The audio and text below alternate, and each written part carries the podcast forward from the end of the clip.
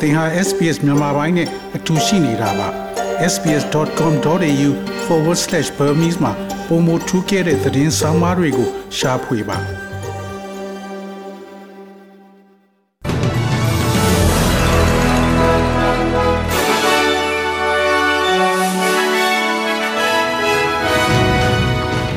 မေလ18ရက်နေ့အတွက်ထိတ်တန့်ရောက်နေတဲ့သတင်းတွေကတော့ဩစတြေးလျကမြန်မာနိုင်ငံနဲ့တန်တမန်ဆက်ဆံရေးကိုရှော့ချလိုက်တဲ့အကြောင်းအတိုက်ခံလေဘာပါတီရဲ့မဲဆွယ်ရေးကတိတွေနဲ့ဆက်ဆက်ပြီးကုန်ကျစရိတ်ကိုဘယ်လိုကာမိအောင်လှုံ့ဆော်မလဲဆိုတာနဲ့ပတ်သက်ပြီးဖိအားပေးခံနေရတဲ့အကြောင်းနဲ့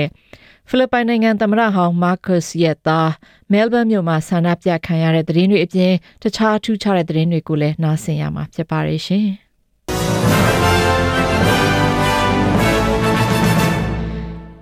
မြန်မာနဲ့ဆက်ဆက်တဲ့သတင်းကိုအရင်စားရမယ်ဆိုရင်တော့ဩစတြေးလျနိုင်ငံအစိုးရကမြန်မာနိုင်ငံနဲ့တန်တမန်ဆက်ဆံရေးကိုရှော့ချလိုက်ပြီးတန်အမတ်ကိုမစေလွတ်တော့ဘူးဆိုတဲ့အကြောင်း ABC သတင်းမှာဖော်ပြထားပါတယ်။ဒါဟာကဘာမှာစစ်ကောင်စီနဲ့ CRPH NUG တို့အတိအမှပြုခံရရေးအားပြိုင်မှုမှာစစ်ကောင်စီကိုမျက်နှာသာမပေးတဲ့နောက်ထပ်လုပ်ရတစ်ခုဖြစ်ပါတယ်။မြန်မာနိုင်ငံဆိုင်ရာတန်အမတ်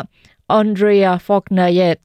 တန်အမတ်တက်တန်းကဧပြီလမှာကုံဆုံးတာဖြစ်ပေမဲ့လည်းဩစတြေးလျကတန်အမတ်အသစ်ကိုမပို့တော့ဘဲနိုင်ငံခြားရေးရာဌာနကအရာရှိတူကိုသာအစားထိုးဖို့ဆုံးဖြတ်လိုက်တာဖြစ်ပါတယ်။ဒီလိုဆုံးဖြတ်ချက်ကိုလူခွင့်ရေးလှုပ်ရှားသူတွေနဲ့စစ်တပ်ကိုဆန့်ကျင်သူတွေကကြိုးဆိုနေကြပါတယ်။အာရှဆိုင်ရာလူအခွင့်ရေးစောင့်ကြည့်ရေးအဖွဲ့ရဲ့ဒုတိယဒါရိုက်တာ Phil Robertson က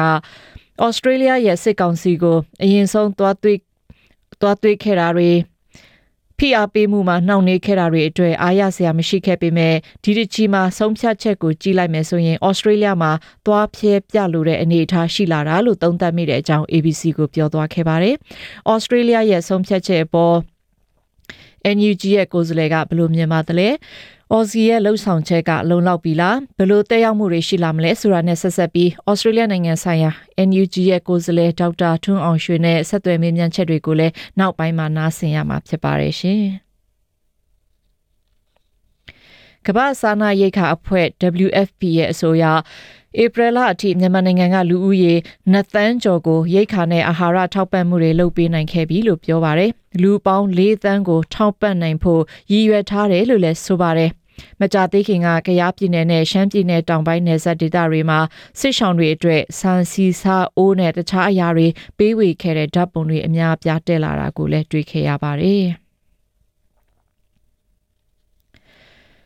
ဩစတြေးလျဘက်ကသတင်းမှာတော့အတိုက်ခံ Labor ပါတီကမဲဆွယ်ကာလအတွင်းပေးထားတဲ့ကတိတွေကိုဘလို့အကောင့်ထဲပေါ်ပြီးကုန်ကျသွားမလဲဆိုတဲ့အပေါ်ဝေဖန်ခံနေရပါတယ်။ Labor ပါတီကကလေးထိန်ခတက်တာအောင်ရန်ပုံငွေပိုချပေးမယ်။တက်ကြီးဆောင်ရှောက်ရေးအတွက်ရန်ပုံငွေတိုးချပေးမယ်စသဖြင့်ကတိတွေပေးနေတဲ့အပေါ်အစိုးရကဝေဖန်လိုက်တာဖြစ်ပြီးနိုင်ငံတော်ဘတ်ဂျက်မှာလူငွေပိုပြမဲ့အနေအထားဖြစ်တယ်လို့ပြောဆိုလိုက်ပါတယ်။ Labor Party ကတော့ဘလို့နီးနဲ့ကုန်ကြခံမလဲဆိုတာအခုထုတ်ပြန်စရာမလိုသေးသလို Tony Abbott ခေတုံးကလည်းရွေးကောက်ပွဲမတိုင်ခင်3ရက်အလိုမှချပြတာမျိုးရှိတယ်လို့အတိုက်ခံကောင်းဆောင် Anthony Albanese ကပြောပါတယ် Our costings will be out on, on Thursday. Uh, they'll be released at the same time that ကျွန်တော်တို့ကဘယ်လိုနည်းနဲ့ကုန်ကြခံသွားမလဲဆိုတာကိုမေလ19ရက်ဂျာတာပရိနေ့ကျရင်ထုတ်ပြန်မှာဖြစ်ပြီးအရင်ဆိုရတော့ကလှုပ်ခဲ့တယ်လို့ပဲလှုပ်ဆောင်ခြင်းဖြစ်ပါတယ်။နောက်ထပ်ကြီးညာစရာတွေလည်းရှိနေသေးပြီးမေလ21ရက်စနေနေ့အထိကြီးညာဖို့အချိန်ရပေမဲ့လည်းဂျာတာပရိနေ့မှာကျွန်တော်တို့ကြီးညာမှာဖြစ်တယ်လို့ပြောသွားခဲ့ပါတယ်။ ဩစတြေးလျအနေနဲ့တောင်ပစိဖိတ်နိုင်ငံတွေနဲ့ဆက်ဆံရေးကိုပြန်လည်ဆန်းစစ်မှုလုပ်တင်တယ်လို့သုံးသပ်သူတွေကထောက်ပြထားပါတယ်။ Solomon ကျွန်းနိုင်ငံကတရုတ်နဲ့လုံခြုံရေးဆိုင်ရာသဘောတူညီမှုရယူပြီးတဲ့နောက်ဩစတြေးလျရဲ့နိုင်ငံခြားရေးရာ policy ကိုပြန်လည်သုံးသပ်ဖို့တိုက်တွန်းကြတာပါ။တရုတ်နဲ့ policy ကျွန်းဆော်လမွန်ကျွန်းနိုင်ငံတို့ရဲ့သဘောတူညီမှုကြောင့် Pacific ဒေသမှာဩစတြေးလျရဲ့လွှမ်းမိုးမှုရှိသေးရလားလို့မေးခွန်းထုတ်ကြသလိုနိုင်ငံတကာကိုကူညီ ကူညီထောက်ပံ့ရေးပေးနေတဲ့နေရာမှာလဲဩစတြေးလျကအဆင့်24အထိကျဆင်းသွားခဲ့ပါတယ်။ Lowy Institute ကသူတည်တည် Alex Dayant က Pacific ဒေသရဲ့ဆက်ဆံရေးကိုဆန်းစစ်ဖို့တိုက်တွန်းထားပါတယ်။ We need to be creative in how we engaging with the region. We need to look beyond aid, we need to look at further mentioned. You know, ဒေ economic သရင်းနိုင်ငံတွေနဲ့ဘယ်လိုဆက်ဆံမှုတွေလုပ်သွားမလဲလို့စဉ်းစားတဲ့နေရာမှာထိုးထွင်းလှုပ်ဆောင်ရမှာဖြစ်ပြီးကုညီထောက်ပံ့ရေးပေးတဲ့ဆက်ဆံရေးမျိုးထက် Pacific ကျုံသားတွေအတွက်အလောက်အကင်ဈေးကွက်ဖွင့်ပေးတာမျိုးတွေကိုစဉ်းစားသင့်တယ်လို့ပြောပါတယ်။ Labor Party ကတော့သူတို့သာအရွေးခံရရင် နောက်လေးနှစ်အတွင်း Pacific ဒေသကိုပေးနေတဲ့ကူညီထောက်ပံ့မှုတန်900အထိတိုးမြင့်ပေးမယ်လို့ပြောပါတယ်။ညွန်ပေါင်ဆိုရကတော့ထောက်ပံ့မှုဒေါ်လာ4ဘီလီယံမှာပဲဆက်ထားမယ်လို့ပြောဆိုထားပြီးလာမယ့်နှစ်နှစ်အတွင်း Pacific ဒေသအတွက်ဒေါ်လာ304သန်းတန်ဖိုးရှိတဲ့ကိုဗစ်ဆိုင်ရာအကူအညီတွေပေးသွားမယ်လို့ပြောဆိုထားပါတယ်။ Victoria ပြည်နယ်တောင်ပေါ်ဒေသမှာတောက်ကြနေကလေးကပျောက်ဆုံးနေတဲ့အသက်80အရွယ်အမျိုးသားကိုရှာတွေ့နိုင်ဖို့မျှလင့်ချက်တွေပိုနေလာပါတယ်။နှင်းတွေကြားရောက်မှုဖြစ်လာရင်ပျောက်ဆုံးနေတဲ့ Christos Peters ကိုခြေရခံနိုင်ဖို့ပိုမိုခက်ခဲစေနိုင်ပြီးသူဟာ Mount Horton နားက Dinner Plain မှာအီမြူးတွေကိုသွားရှာကြည့်မယ်ဆိုပြီးလမ်းလျှောက်ထွက်ရာကနေပျောက်ဆုံးနေတာဖြစ်ပါတယ်။အေးခဲတဲ့နေရာတစ်ဝိုက်ကိုလူပေါင်း100ကျော်ရှာဖွေမှုလုပ်ခဲ့ပေမဲ့ရှာမတွေ့သေးပါဘူး။တောင်ဆောင်ကနေပြုတ်ကျနိုင်တဲ့အတွက် ခြုံတော်တဲ့နင်းနင်းပြီးတော့ရှာဖွေမှုလုပ်ကြတယ်လို့လည်းရဲအရာရှိတူကပြောပါတယ်ဒီကနေ့ရာသီဥတုတာယာတာကိုအခွင့်ကောင်းယူပြီးရှာဖွေကြပေမဲ့မတွေ့ရပဲမကြခင်မှာနင်းတွေကြာရောက်နိုင်တဲ့အတွက်ရှာဖွေဖို့ခက်ခဲနိုင်တယ်လို့ရှာဖွေသူတွေအတွက်လုံခြုံဘေးကင်းရေးကိုပါထည့်တွက်ရမယ်လို့ပြောသွားခဲ့ပါတယ် ဖိလစ်ပိုင်နိုင်ငံရဲ့သမ္မတလောင်ဖြစ်သူ Fernando Marcos Jr. ကသူ့သားရှိရာမဲလ်ဘန်မြို့ကိုအလဲလာနေတဲ့အတွက်မဲလ်ဘန်မြို့ကတိုက်ခန်းတစ်ခုမှာဖိလစ်ပိုင်တွေဆန့်ကျင်ဆန္ဒပြမှုပြုလုပ်ခဲ့ကြပါတယ်။ဆန္ဒပြသူတွေကဖက်စစ်စနစ်နဲ့မင်းဆိုးမင်းကြီးကိုနောက်ထပ်ဘယ်တော့မှမလိုချင်ဘူးဆိုတဲ့စာသားတွေနဲ့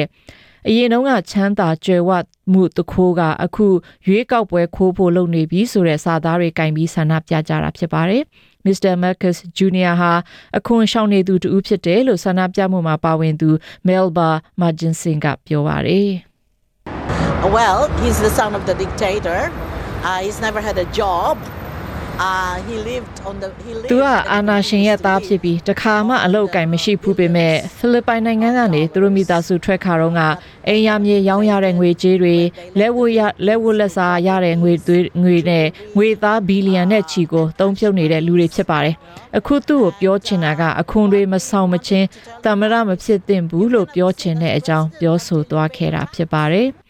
မစ္စတာမာကတ်ရဲ့ပြောခွင့်ရသူကတော့မစ္စတာမာကတ်ကိုဩစတြေးလျကဂုံပြုတ်သလိုနှွေးနှွေးထွေးစွာကြိုဆိုတဲ့အကြောင်းဒီလိုဆန္ဒပြကြတာကဖိလစ်ပိုင်တွေအတွက်သာအရက်အရှက်ရစရာသာဖြစ်စေမယ်လို့ပြောဆိုခဲ့ပါတယ်။မစ္စတာမာကတ်ဟာမဲလ်ဘန်တက္ကသိုလ်မှာကျောင်းတက်နေတဲ့သားဖြစ်သူ Vincent C ကိုအလဲလာနေတယ်ဆိုတဲ့သတင်းတွေထွက်ပေါ်နေပါတယ်။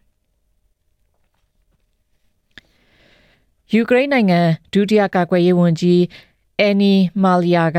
ယူကရိန်းနိုင်ငံတောင်ပိုင်းအာဇော့ဗ်ဒါစတီးဆက်ယုံကနေဆုတ်ခွာလာတဲ့ယူကရိန်းစစ်သားအယောက်260ကိုလူသားချင်းစာနာမှုရာကယ်ထုတ်နိုင်တယ်လို့အတည်ပြုပြောဆိုခဲ့ပါတယ်။အဲ့ဒီနေရာကိုရုရှားကသိမ်းပိုက်ထားတာဖြစ်ပြီးအသက်ရှင်လက်ပြန်ထွက်လာနိုင်သူ260ထဲကအယောက်90ကျော်မှာဒဏ်ရာအကြီးကျယ်ရရှိလို့ဆေးရုံတင်ထားရတယ်လို့ဆိုပါတယ်။ဒဏ်ရာရသူတွေကိုစစ်တုပ်ပန်းအဖြစ် တတ်မှတ်မလားမတတ်မှုပါလားဆိုတာကိုမသိရသေးပေမဲ့လူတွေကိုအသက်ရှင်လက်ပြန်ခေါ်ထုတ်နိုင်တဲ့အတွက်ကယ်ဆယ်ရေးသမားတွေကိုယူကရိန်းသမ္မတကကျေးဇူးတင်နေပါတယ်။ Завдяки діям українських військових збройних сил України, розвідки We hope that we will manage to save the life of our guys. There are heavily wounded among ကျွန်တော်တို့ရဲ့ them. လူကို They're အသက်ရှင်လက်နောက်ထပ်ကယ်တင်နိုင်ဖို့မျှော်လင့်ပါတယ်။ ဒဏ်ရာအကြီးအကျယ်ရရှိသူတွေလည်းပါဝင်ခဲ့ပါတယ်။ယူကရိန်းပြည်သူတွေကယူကရိန်းတရေကောင်းတွေကိုအရှင်လိုက်ပြန်လည်တွေ့ရဖို့လိုအပ်တဲ့အကြောင်းထပ်လောင်းပြောပါရစေ။ဒါကကျွန်တော်တို့ရဲ့မူပါပဲ။အဲ့ဒီလိုပြောဆိုမှုကိုတာမန်လူတိုင်းကနားလည်လိမ့်မယ်လို့ထင်ပါတယ်။ကျွန်တော်တို့စစ်သားနဲ့ထောက်လန်ရေးတွေကမာရီပိုဒေတာကကာကွယ်ရေးသမားတွေကိုကယ်ထုတ်နိုင်ဖို့လုပ်ငန်းတွေစတင်နေပါပြီ။ အိမ်ကိုပြန်ခေါ်လာဖို့ဆက်လက်လှုပ်ဆောင်နေကြပြီးတတိကြီးကြီးနဲ့အချိန်ယူလှုပ်ဆောင်ရမှာဖြစ်တယ်လို့ပြောသွားခဲ့ပါတယ်။အခုလောလောဆယ်စတီးဆက်ယုံကိုအပြင်းထန်ကာကွယ်ဖို့ခုခံတိုက်ခိုက်နေသူတွေကိုကယ်ထုတ်ဖို့ဆက်လက်စူးစမ်းနေတယ်လို့လည်းသိရပါ တယ်။ American အာဏာပိုင်တွေကကယ်လီဖိုးပြည်နယ်ကယ်လီဖိုးနီးယားပြည်နယ်မှာတနင်္ဂနွေနေ့ကဖြစ်ပွားခဲ့တဲ့ပြစ်ခတ်မှုအတွင်းသေဆုံးခဲ့ရတဲ့ဒေါက်တာဂျွန်ချန်ရဲ့တက်တီကိုချီကျူးပြောဆိုခဲ့ပါတယ်။တနက်ပြစ်ခတ်သူဟာအသက်68နှစ်အရွယ်တရုတ်နိုင်ငံကလာတဲ့ American နိုင်ငံသား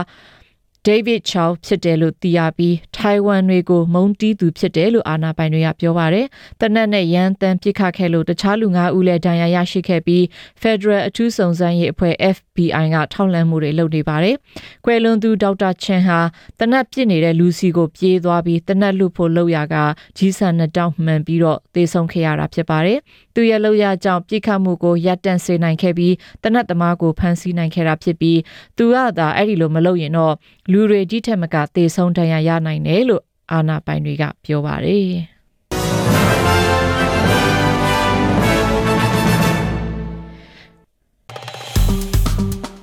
SPS မြန်မာပိုင်းကို Facebook ပေါ်မှာ like ရှာပြီး like မျှဝေမှတ်ချက်ပေးပါ